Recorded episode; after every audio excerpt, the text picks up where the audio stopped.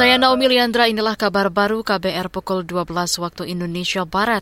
Saudara, Majelis Hakim menolak eksepsi yang diajukan terdakwa Putri Chandrawati di perkara pembunuhan berencana Brigadir Yosua Huta Barat atau Brigadir J. Putusan itu disampaikan di sidang putusan sela yang berlangsung di Pengadilan Negeri Jakarta Selatan hari ini mengadili. Satu, menolak eksepsi tim penasihat hukum terdakwa. Dua, menetapkan pemeriksaan perkara nomor 797 PIT B 2022 PN Jakarta Selatan atas nama terdakwa Putri Chandrawati dilanjutkan. Tiga, menangguhkan biaya perkara sampai dengan putusan akhir. Demikianlah diputuskan dalam rapat permusyawaratan Majelis Hakim pada hari Rabu tanggal 26 Oktober 2022 oleh kami Majelis Hakim. Putusan selamana diucapkan pada sidang terbuka pada hari itu juga dibantu oleh saudara panitera pengganti serta dihadiri oleh jaksa penuntut umum serta terdakwa dan kuasa hukumnya.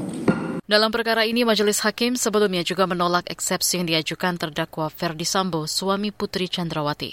Ferdi dan Putri didakwa melakukan pembunuhan berencana terhadap Brigadir J bersama Barada Richard Eliezer, Bribka Riki Rizal, dan Kuat Maruf. Kita ke soal lain, separuh mangrove Indonesia ada di Papua dengan luas mencapai hampir satu setengah juta hektar. Namun sekitar 20 persennya kini dalam kondisi kritis.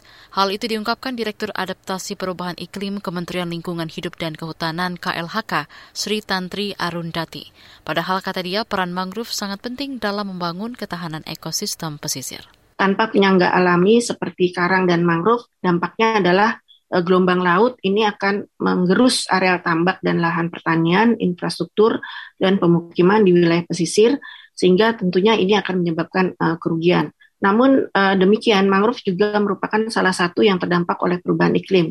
Uh, peningkatan suhu air laut ini akan menyebabkan pertumbuhan dan perkembangan mangrove terganggu. Direktur Adaptasi Perubahan Iklim KLHK Sri Tantri Arundati menambahkan mangrove punya fungsi menyerap dan menyimpan karbon. Ekosistem mangrove krusial untuk pengendalian iklim. Beralih ke informasi mancanegara, China mengenalkan regulasi untuk memajukan perkembangan bisnis wira swasta. Dikutip dari Xinhua, regulasi dalam bentuk dekret Dewan Negara itu ditandatangani Perdana Menteri China Li Keqiang dan mulai berlaku 1 November mendatang.